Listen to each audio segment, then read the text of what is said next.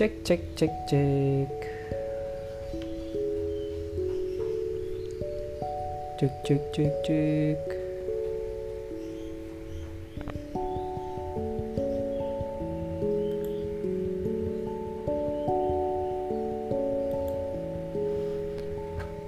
Oke semuanya, Eh, selamat Hari Pendidikan Nasional Tuturi Handayani. Eh, tanggal 2, Ma 2 Mei 2021 ya.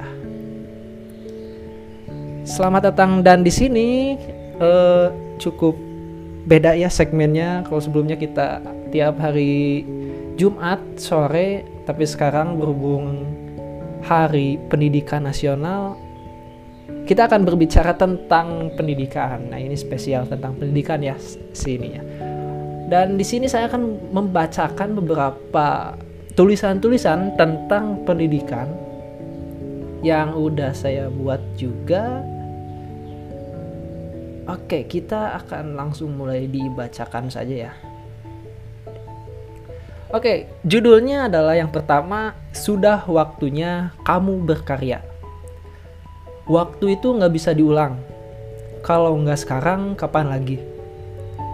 Nah, ada salah satu uh, penulis yang saya gemari, namanya Hilman Ramadan. Uh, katanya jangan tunggu panggung untuk mulai berkarya. Nah, kita sebagai mahasiswa atau teman-teman juga yang sekolah sudah waktunya teman-teman berka berkarya. Apalagi hakikat dari manusia itu adalah menciptakan sesuatu. Nah, selanjutnya, jadi si kalimat ini jangan tunggu panggung untuk berkarya ini mendorong kita untuk bersegeralah membuat sesuatu. Enggak harus bagus, enggak harus powerful juga, enggak harus mendunia. Cukup membuat hal kecil dulu saja hidup itu cepat dan akan segera berakhir. Jadi seenggaknya kita bisa membuat sesuatu untuk diting ditinggalkan nanti. Hal positif yang kita dapat setelah memulai berkarya adalah kita bisa belajar dari sana. Dan bisa saja kita akan menjadi hebat dari sana. Pastinya ada cobaan ketika kita mencoba untuk berkarya. Mungkin ya salah satunya adalah ketika kita menemukan kesalahan. Namun ya perlu diingat, dari sana pun kita bisa belajar lebih dalam. Inilah yang disebut belajar dari pengalaman. Jadi sekali lagi sudah waktunya kamu berkarya. Jadi karya ini adalah sesuatu hal yang penting ya teman-teman. Itu judul yang pertama. Yang kedua ada judul uh, jenius itu nggak ada. Jadi Thomas Alva Edison sang penemu bola lampu itu pernah berkata, Genius is 1% inspiration and 99% perspiration. Jadi dengan kata lain, jenius itu tidak ada. Yang ada adalah orang yang berusaha sungguh-sungguh. Bekerja keras itu kuncinya. Loh, tapi kok kenapa banyak orang jenius di luar sana? E, misalnya ya kayak Bill Gates, Mark Zuckerberg, kemudian ada Steve Jobs, Kemudian tadi di atas ada Edison, ada Tesla dan masih banyak lagi. Nah, sekali lagi jenius itu nggak ada. Apakah teman-teman tahu kenapa Mark Zuckerberg sang penemu Facebook itu bisa pandai programming? Karena dia bersungguh-sungguh dari kecil dan mendalami programming. Gak ada yang spesial sebenarnya. Kemudian ada yang tahu berapa banyak kegagalan yang dilalui Edison Edison gagal 999 kali dan akhirnya sukses ke seribu kalinya untuk menciptakan bohlam lampu. Dan ada yang tahu perjuangan berdirinya perusahaan terbesar di dunia teknologi oleh Steve Jobs? Jadi banyak orang-orang di atas yang dinilai sebagai orang jenius dalam tanda kutip. Namun faktanya di balik semua itu adalah kerja keras mereka yang tak terbayangkan oleh kita. Luar biasa sih ya. Jadi kuncinya cuma satu, bersungguh-sungguh untuk melakukannya. Jadi biarlah orang lain berkata ini tidak mungkin, atau misalnya kamu bercanda, jangan banyak berhayal deh. Nah, jangan didengarkan orang lain. Biarkan orang lain itu dengan fantasinya dan biarkan diri kita di fantasi kita sendiri. Orang lain tidak akan tahu latar belakang kita, eh, hasil karya kita. Yang mereka tahu adalah karya kita. Jadi ya nggak apa-apa, itu cukup. Itu dia tulisan kedua ya. Nah selanjutnya ada di sini judulnya adalah kampus bukan tempat belajar. Nah jadi sedikit uh, unik sih uh, apa pembahasannya gitu. Jadi banyak orang-orang yang berpikir kampus itu adalah tempat belajar. Ya mau kampus, mau sekolah, sama aja ya. Jadi faktanya sebenarnya kampus itu bukan tempat belajar. Lebih tepatnya fungsi kampus adalah untuk berkomunikasi dengan banyak orang dan sangat cocok juga untuk menambah relasi dengan banyak orang. Nah, mengutip dari perkataan Elon Musk ya, CEO SpaceX, terus Tesla, banyak lagi ia pernah mengatakan, "Saya pikir perguruan tinggi pada dasarnya untuk bersenang-senang dan untuk membuktikan Anda dapat melakukan pekerjaan, tetapi tidak untuk belajar." Nah, jika dipikirkan ternyata ya memang seperti itu. Jika kita mengandalkan kampus sebagai prioritas kita mendapatkan ilmu, itu salah. Jadi kamu kita itu pasti akan kewalahan jika hanya bergantung dengan kampus setelah lulus atau misalnya mau bekerja nanti gitu. Bukan mencontoh yang jeleknya, e, jika melihat Steve Jobs, Bill Gates, Mark, mereka memutuskan enggak kuliah. Karena mereka tahu kampus itu bukan tempat belajar. Tapi bukan berarti kita harus mengikuti jejak buruk mereka dalam tanda kutip. Jadi nggak seperti itu juga. E, faktanya mendapatkan gelar dari kampus itu emang sangat dibutuhkan, apalagi di negara Indonesia gitu ya. E, ya minimal S1, S2 kayak gitu kan. Nah, tapi ya yang harus kita ketahui kampus dan gelar itu bukan jadi tolak ukur ilmu kita. Jadi nggak ngaruh kita kuliah di universitas terkenal atau mahal. Karena ya outputnya ini akan balik lagi ke diri kita masing-masing. Gitu. Itu adalah tulisan ke berapa? 34 ya. Nah, selanjutnya nih letih yang produktif. Nah, terkadang kita terlalu sibuk melakukan sesuatu. Ingat, sibuk belum tentu produktif. Letih kamu ini, letih kita akan sia-sia. Jadi pasti ada yang salah dengan apa yang kita lakukan. Jadi salah satunya adalah cara kamu mengerjakan sesuatu tidak produktif. Cobalah e, menyusun terlebih dahulu apa yang akan kamu kerjakan. Kemudian semua yang kita lakukan itu faktanya adalah sebuah masalah. Jadi pelajari dulu e, masalahnya. Nah, pecahkan masalah menjadi poin-poin kecil sehingga menyelesai, menyelesaikan masalahnya pun ringan dan kamu nggak akan letih. Akhirnya kamu produktif. Nah, banyak yang menyepelekan cara ini. Mereka tergesa-gesa mencari jalan keluar. Pada akhirnya mereka kelelahan. Lelah tidak produktif. Oke, itu dia tulisan selanjutnya. Kemudian letih yang selanjutnya adalah membagi ilmu nih. Ilmu pengetahuan ini membuat kita semakin menjadi orang yang modern. Tapi bukan berarti hanya itu saja fungsi ilmu. Ilmu digunakan untuk disebarkan kembali. Nah, kita nggak punya hak untuk menimbun ilmu teman-teman jadi kar karena ya buat apa? E, mati kita nggak bawa ilmu. Jadi ilmu itu bisa diartikan sebagai warisan. Nah misalnya e, ilmu aljabar. Ilmu itu terus diwariskan setiap generasi-generasi dan itu adalah hal yang mutlak. Jadi simpelnya adalah ilmu yang kita dapat adalah ilmu dari orang lain juga. Nah jadi kamu nggak berhak memilikinya dan tutup mulut gitu Walaupun jikalau kita membuat ilmu sendiri dan kita memendam ilmu itu saja buat diri kita sendiri, ya ilmu itu nggak akan berarti. Ketika kita meninggal ya di situlah ilmu kita berakhir. Itu dia membagi ilmu. Nah, selanjutnya eh, mirip kayak tadi kampus bukan tempat belajar tapi ini adalah ijazah hanya sebagai nah ijazah hanya sebagai tanda kita pernah sekolah bukan tanda kita pernah berpikir. Nah ini yang dikatakan eh, Profesor Rocky Gerung dalam salah satu acara eh, di YouTube gitu ya. Dari sana saya berpikir ya benar juga. Jadi eh, jika kita melihat lulusan berkualitas secara berpikir ya itu memang sangat sedikit sekali.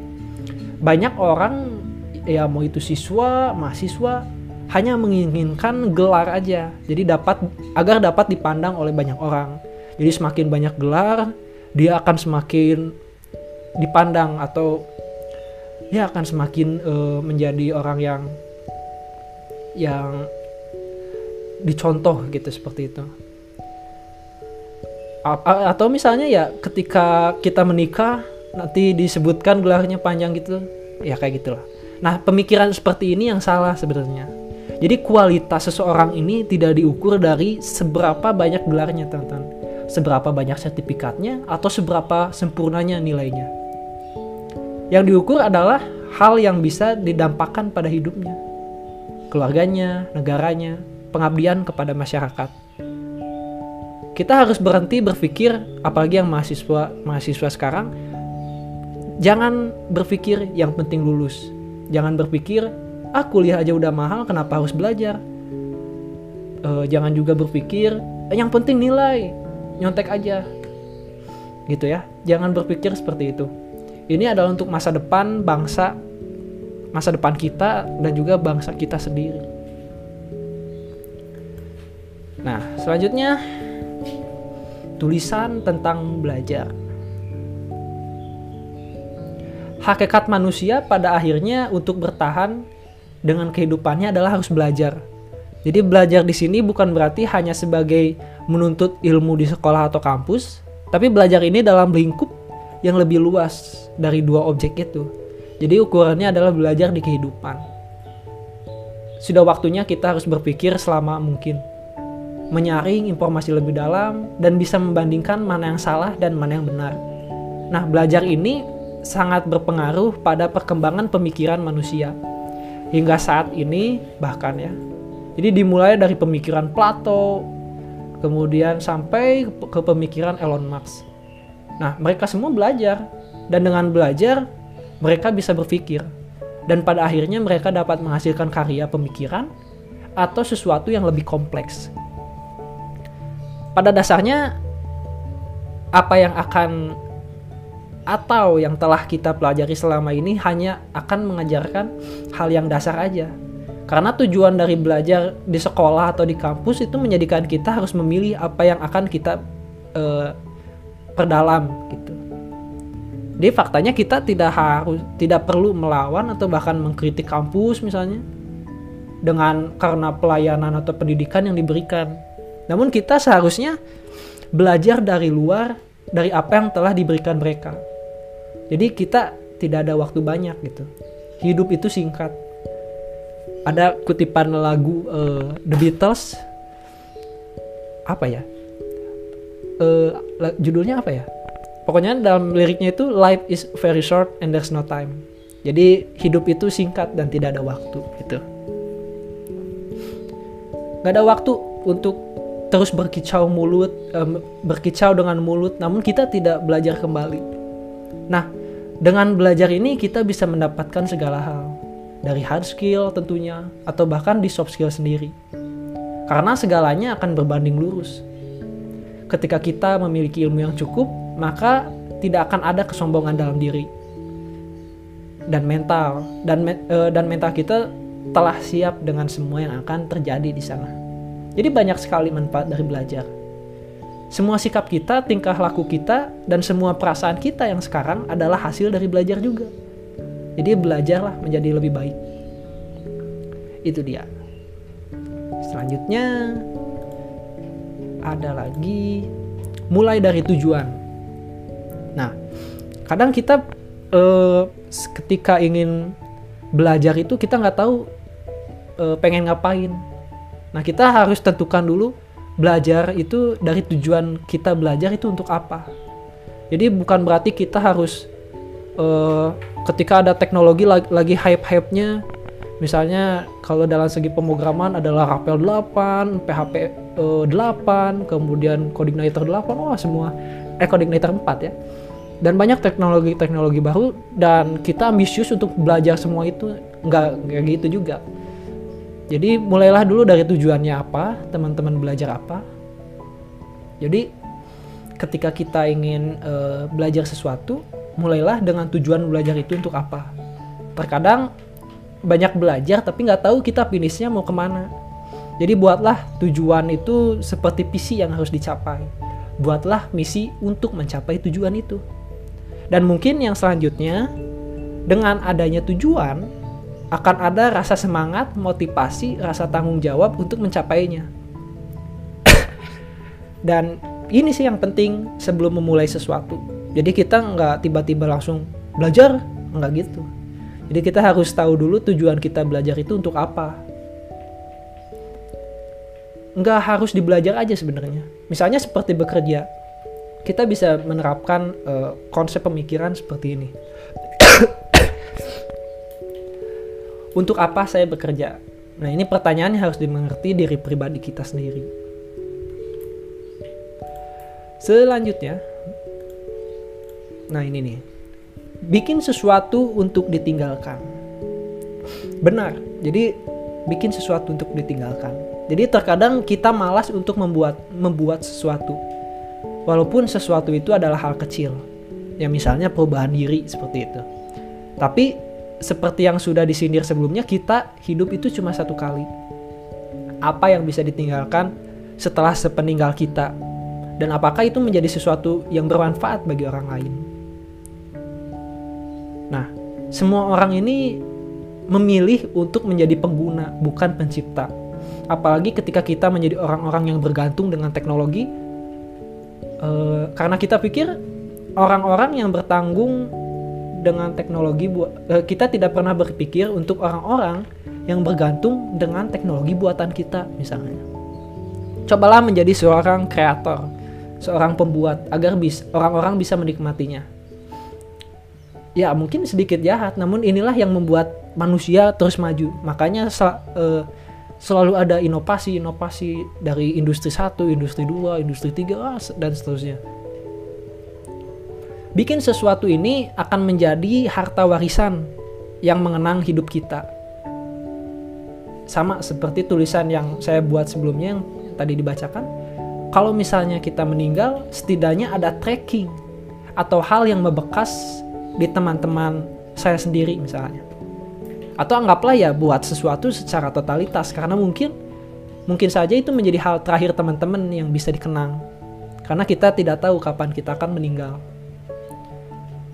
Ada opsi lain selain kita membuat sesuatu. Kita sebarkan apa yang kita tahu, seperti ilmu yang kita punya misalnya mau itu uh, skill coding, skill masak, semua hal yang bisa teman-teman berikan ya berikanlah. Jangan berpikir untuk menyebarkan ilmu itu rugi. Apalagi jangan berpikir karena kuliah itu mahal-mahal, dapat ilmunya mahal, kita tidak disebarkan ke orang lain. Nah, ini yang berbahaya ke depannya. Jadi berikanlah gitu. Uh, semahal apa pun ilmu yang kita punya, jika tidak diberikan atau disebarkan ke orang lain, ya maka akan sia-sia aja. Ilmu itu sebenarnya gratis, teman-teman. Baik itu ilmu uh, atau sesuatu yang kita buat, jadi sangat diusahakan dapat membantu semua orang. Tentunya hal positif, karena ini yang akan dikenang selamanya, walaupun ketika kita meninggal gitu. Ya mungkin misal misalnya kayak kalau misalnya ayah kita, keluarga kita. Misalnya ada di ada hal-hal yang bisa diwariskan misalnya seperti rumah. Tapi kalau misalnya kita yang masih kuliahan kayak gini, masih masih menuntut ilmu kayak gini, apa yang diwariskan? Ya tentunya hal-hal yang bisa bermanfaat untuk uh, untuk masyarakat misalnya. Sesuai bidang-bidang kita gitu. Itu dia ya. Kemudian saya akan uh, cari lagi yang berkaitan dengan pendidikan.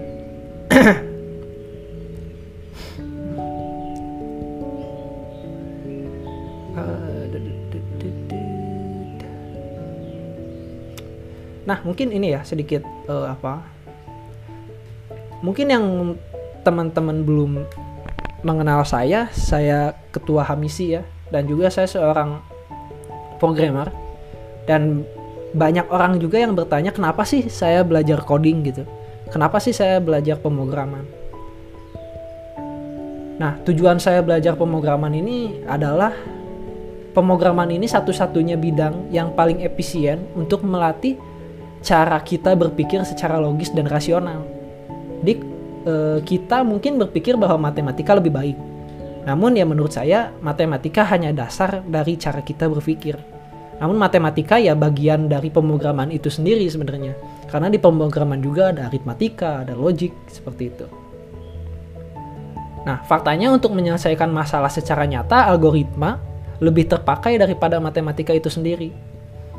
Ya kalau misalnya ya misalnya apa ya matematika untuk menghitung lingkaran misalnya sudut-sudut siku-siku kostan yang kayak gitu.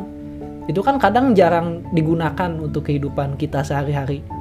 Nah sedangkan kalau misalnya algoritma kita bisa menerapkan di banyak hal. Kita bisa menerapkan di banyak bidang. Gitu. Nah dengan belajar pemrograman ini eh,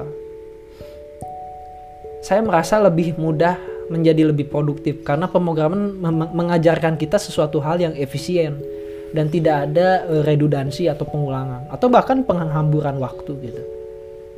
Selain itu, saya juga dimudahkan untuk bagaimana cara menyelesaikan suatu masalah uh, sehari-hari. Itu dia kenapa saya belajar coding. Kita udah belajar uh, apa ya? hidup itu uh,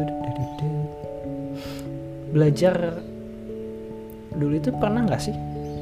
Belajar ketika project atau belajar dulu baru ngebuat project? Nah ini kita bahas lagi aja ya. Jadi judulnya adalah belajar ketika project atau belajar dulu baru ngebuat project. Nah belajar ketika project ini artinya kita ini memiliki tekad dan motivasi yang tinggi di sini.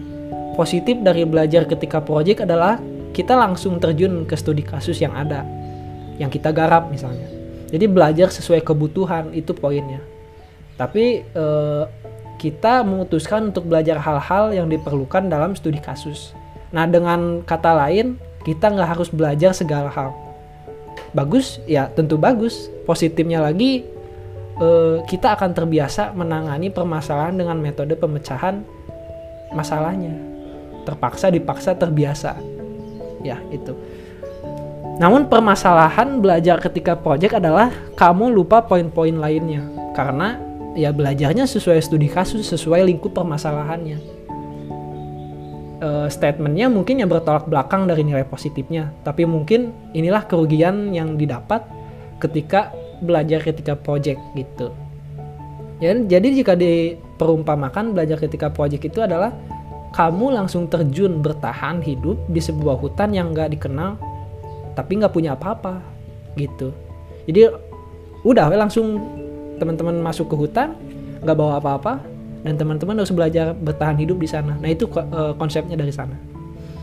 Nah selanjutnya belajar dulu baru ngebuat project Nah ini mungkin yang biasa ada di sistem pendidikan Indonesia. Anggaplah kita uh, seorang mahasiswa gitu ya.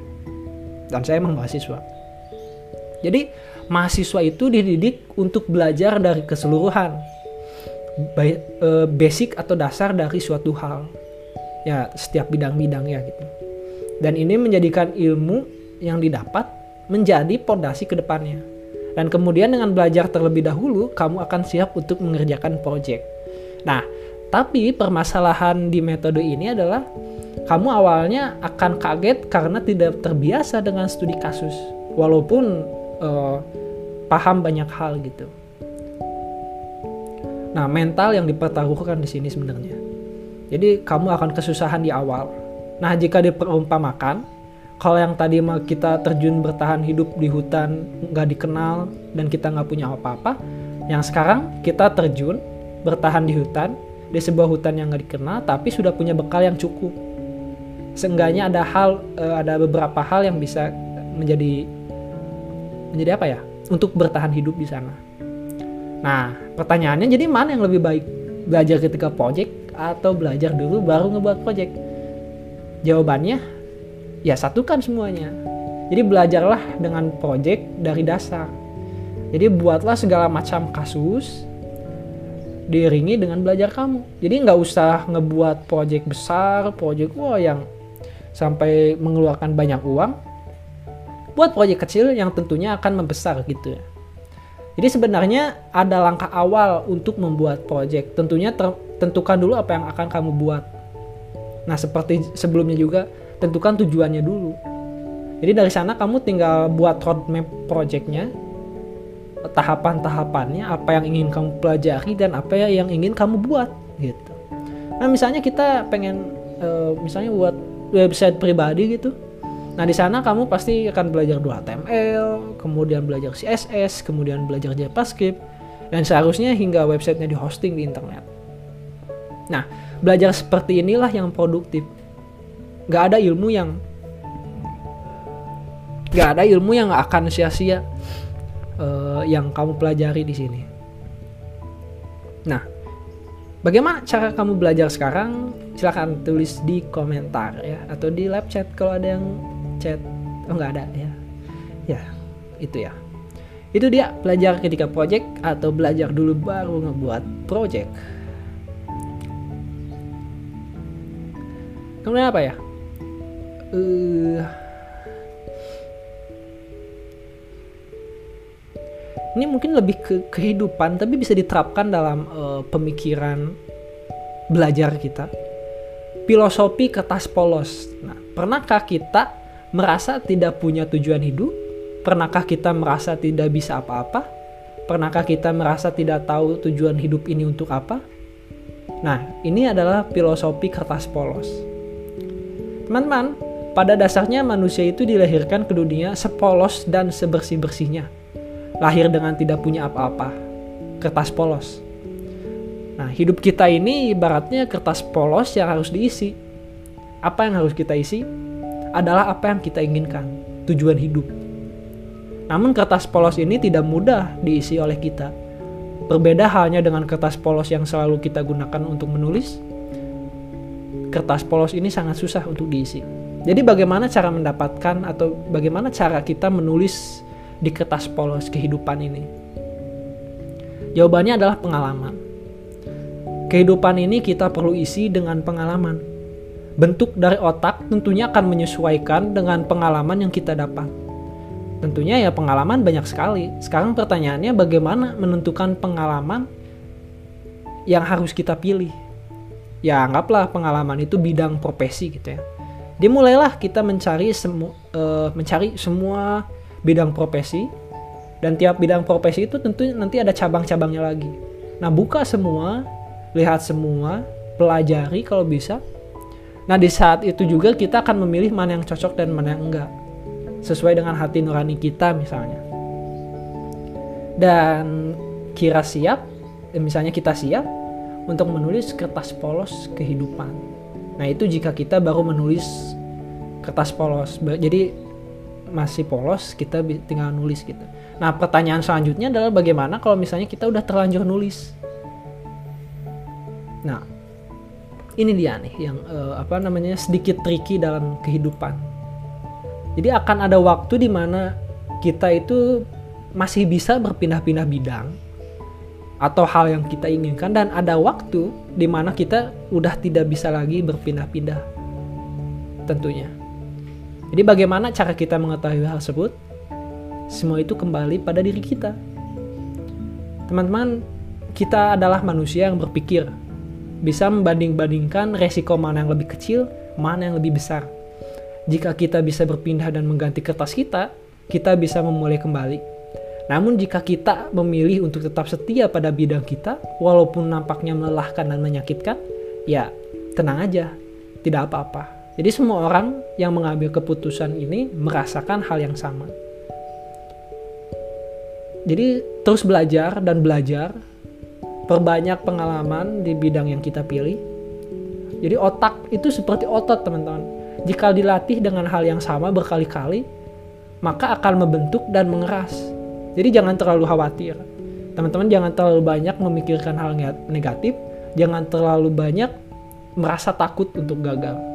Jangan merasa kita tidak punya keahlian di bidang yang kita pilih. Jika kita masih merasakan hal di atas, tentunya akan berdampak buruk pada hidup dan mental kita. Kita harus tetap semangat menulis kertas kehidupan kita. Itu dia filosofi kertas polos. Apa ya? Ini sebenarnya yang pertama sih. Uh, dan ini dikhususkan dedicated untuk programmer atau teman-teman yang programmer mungkin bisa mendengarkan. Jangan ngoding terus. Ada banyak hal yang kamu harus kuasai di luar ngoding. Sepintar-pintarnya sepintar-pintarnya, sehebat-hebatnya kamu ngoding, nggak akan kepake jika memperhatikan poin-poin ini. Nah, ini ada poin-poinnya. Yang pertama adalah komunikasi. Nah, eh, tidak hanya hebat berkomunikasi dengan komputer, dengan beragam bahasa pemrogramannya, kamu yang pada hakikatnya adalah manusia sosial itu sangat dituntut untuk harus bisa berkomunikasi dengan manusia lain. Karena komunikasi sangatlah penting. Nah, misalnya di dunia kerja sendiri itu, baik itu kerja di instansi atau misalnya kerja sebagai freelancer, komunikasi itu dibutuhkan untuk bekerja bekerja sama dengan klien. Nah, tentunya komunikasi yang baik itu akan menghasilkan feedback yang baik juga. Komunikasi lainnya juga adalah ketika misalnya kamu ingin mempromosikan suatu produk buatan kita sendiri atau jasa kita sendiri, gitu ya. Jadi e, mau orang-orang pakai produk kita gimana kalau misalnya kita nggak bisa berkomunikasi dengan baik. Nah, yang kedua, sikap disiplin. Jadi banyak programmer yang selalu dikejar deadline. Atau ya bukan programmer aja, mungkin semua bidang akan ada kejar deadline seperti itu. Dan bahkan di hari deadline-nya, misalnya project itu masih keteteran. Gitu. Nah, kita harus bisa tetap disiplin. Khususnya jika kita menjadi seorang programmer, harus bisa belajar manajemen waktu, teman-teman. Manajemen project gitu. Nah, salah satu di dalamnya adalah manajemen waktu di manajemen project tuh. Nah, ketika kita diberi deadline, misalnya kita ambil contoh deadline kamu ini diberi waktu dua minggu. Nah, di sana sebelum mengerjakan project, buatlah uh, project tersebut menjadi bagian-bagian kecil. Nah, kemudian tinggal perkirakan aja atau buat patokan. Misalnya, oke okay, untuk bagian A saya kerjakan dua hari, bagian B ya pasti beres lah satu hari juga. Ya kayak gitu. Jadi ketika Hamin satu sebelum deadline, project kamu udah diharapkan telah selesai dan satu hari tersisa ya tinggal pikirkan bagaimana cara kamu mempresentasikan proyek ke klien. Nah, dengan begitu disiplin membuat kita menjadi lebih tenang di akhir. Jadi sehingga hasilnya akan memuaskan klien. Iya dan tentunya kamu juga gitu. Yang ketiga, berani mengambil resiko. Nah, ini jangan menjadi penakut untuk mengambil resiko. Ini penting jika kamu ingin berkembang menjadi lebih baik, harus bisa mengambil resiko.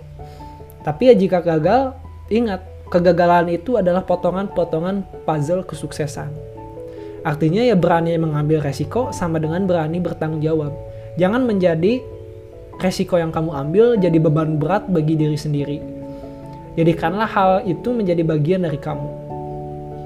Ya, dibawa santai aja, dibawa enjoy, dan pikirkan hal ke depannya.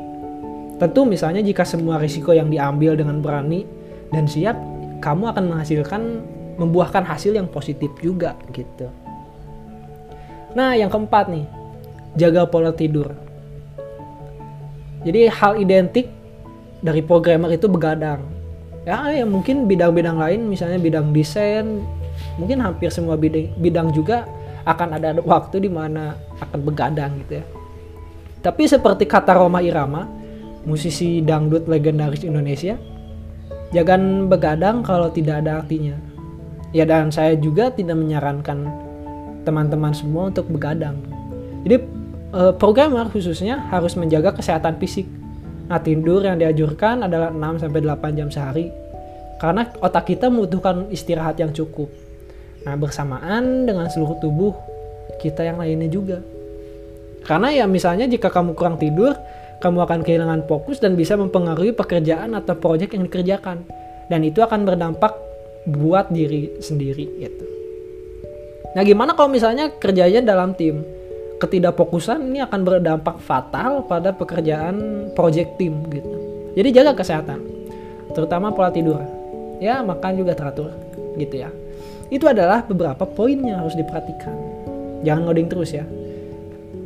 Jadi banyak di luar sana misalnya programmer-programmer yang pasif yang tidak memperhatikan poin-poin di atas dengan baik ya alhasil mereka kesulitan untuk menghidupi kebutuhannya atau bahkan misalnya hingga sampai kebutuhan keluarganya. Itu dia tulisan jangan ngoding terus. Dan ini mungkin yang terakhir ya. Kita udah berapa menit ini live? 32 menit ya guys. Nah ini nih. Jadi sapi warna ungu. Wah. Apa sih sapi warna ungu? Ya benar. Jadi misalnya eh, ini juga salah satu kutipan dari Hilman Ramadan yang mengungkit masalah ini juga. Jadi sapi warna ungu. Ya ya dan tentunya artinya bukan yang umum ya, bukan jadi sapi yang warna ungu gitu. Namun di sini sapi warna ungu ini dimaksud untuk menjadikan beda dengan orang lain. Nah, gimana maksudnya? Tenang ya. E, mungkin kita akan jalan-jalan ke peternakan, kemudian di sana kita melihat sapi warna coklat dan putih hitam itu atau sejenisnya, itu udah biasa ya. Nah, bayangkan jika kamu menemukan sapi warna ungu. Nah, salah e, satu hal yang paling mencolok warna yang berbeda dengan sapi pada umumnya. Nah, ketika kita lihat Sapi itu berdiri kokoh, tegak, dan tidak ada rasa minder dengan sapi-sapi di sekitarnya. Hal itu yang disebut dengan percaya diri. Jadi makna yang bisa kita ambil di sini adalah kita harus menjadi orang-orang yang berbeda dalam artian positif ya tentunya. Jadi orang yang minoritas tapi berkualitas daripada mayoritas tapi biasa-biasa saja. Hidup itu cuma satu kali. Ini selalu terus disindir oleh saya apa salahnya sih kita berbeda dari orang lain nggak selalu mengikuti orang lain kita harus punya pemikiran sendiri kita harus punya uh, rasa keingintahuan sendiri kita nggak ikut-ikutan sama orang lain seperti itu jadi biarlah teknologi eh biarlah mereka mengikuti kita jadi sekali lagi kita harus berbangga jika kita jika kita berbeda dengan orang lain. Tadi ada kucing ya. Bentar ya, saya lihat dulu. Neko, neko, neko.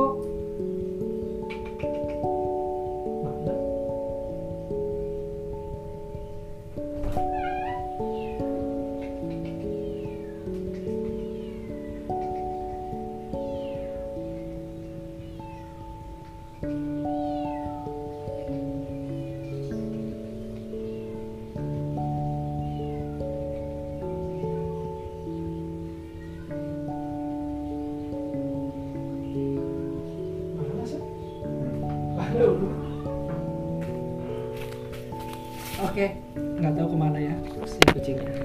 Oke, itu dia jadi sapi warna ungu ya teman-teman. Uh, atau pengen apa? Yang ini udah belum ya? Life is very short and there's no time. Udah ya? Ya intinya sama ya. Hidup itu cuma satu kali. Ya mungkin itu aja ya. Oh ada satu lagi nih hidup itu nggak bisa instan. Nah, di zaman seperti ini kita disuguhkan dengan kecanggihan teknologi yang termutakhir. Semua itu memudahkan kita untuk melakukan dan menyelesaikan sesuatu. Ya itu bagus. Namun terkadang kita bergantung dengan teknologi yang pada akhirnya menjadi alat instan untuk meraih tujuan. Apalagi berkaitan dengan teknologi kehidupan. Kita tidak bisa hidup instan ya kita bisa menerapkan ini uh, menerapkan tulisan ini di uh, bagaimana cara kita belajar di dunia pendidikan gitu jadi karena semua serba instan, kualitas dari ki- diri kita juga akan sangat buruk. Jadi kita tidak bisa apa-apa, kita tidak bisa menyelesaikan suatu masalah. Misalnya kita ambil contoh saja masak ya teman-teman. Jadi dengan adanya teknologi atau pelayanan cepat saji, kita tidak akan pernah masak di rumah. Kita hanya bergantung dengan semua itu dan akhirnya ya kita tidak bisa masak, kita tidak bisa tidak bisa apa-apa. Nah, poinnya adalah kita harus eh, ya kita boleh bergantung dengan teknologi. Dan emang kita membutuhkan semua itu. Namun perlu diingat, ada hal yang tidak bisa di-replace atau digantikan dengan teknologi. Misalnya seperti skill dan bakat kita. Semua itu nggak bisa instan dan harus diasah setiap hari. Dan itu tidak instan. Itu dia hidup nggak bisa instan. Ada suara tongeret. Hari Pendidikan Nasional. Oke, kita akan mungkin eh, pendidikan nasional. Ya, ini menjadi eh, apa ya? Menurut saya pemikiran pendidikan itu apalagi pemikiran Ki Hajar Dewantara itu adalah sesuatu hal yang benar-benar merubah segala sesuatu ya. Bahkan menjadi standar dari pendidikan kita eh, di Indonesia. Pendidikan itu nggak cuma kita belajar di kelas. Pendidikan itu adalah pengalaman kehidupan ya bagaimana cara kita melewati tantangan hidup itu termasuk pendidikan. Bagaimana cara kita berkomunikasi dengan masyarakat itu termasuk pendidikan. Bagaimana cara kita belajar, bagaimana cara kita menciptakan sesuatu, itu semua termasuk pendidikan. Pendidikan ini yang menjadi eh, tiangnya berdirinya bangsa kita. Misalnya presiden-presiden kita itu semua dari mahasiswa. Insinyur Soekarno, Soeharto, dan itu yang menjadikan pendidikan nomor satu. Nah, mungkin e, berbicara sekilas pendidikan, e, Aristoteles ini yang paling ini ya, apa namanya berpengaruh dalam dunia pendidikan.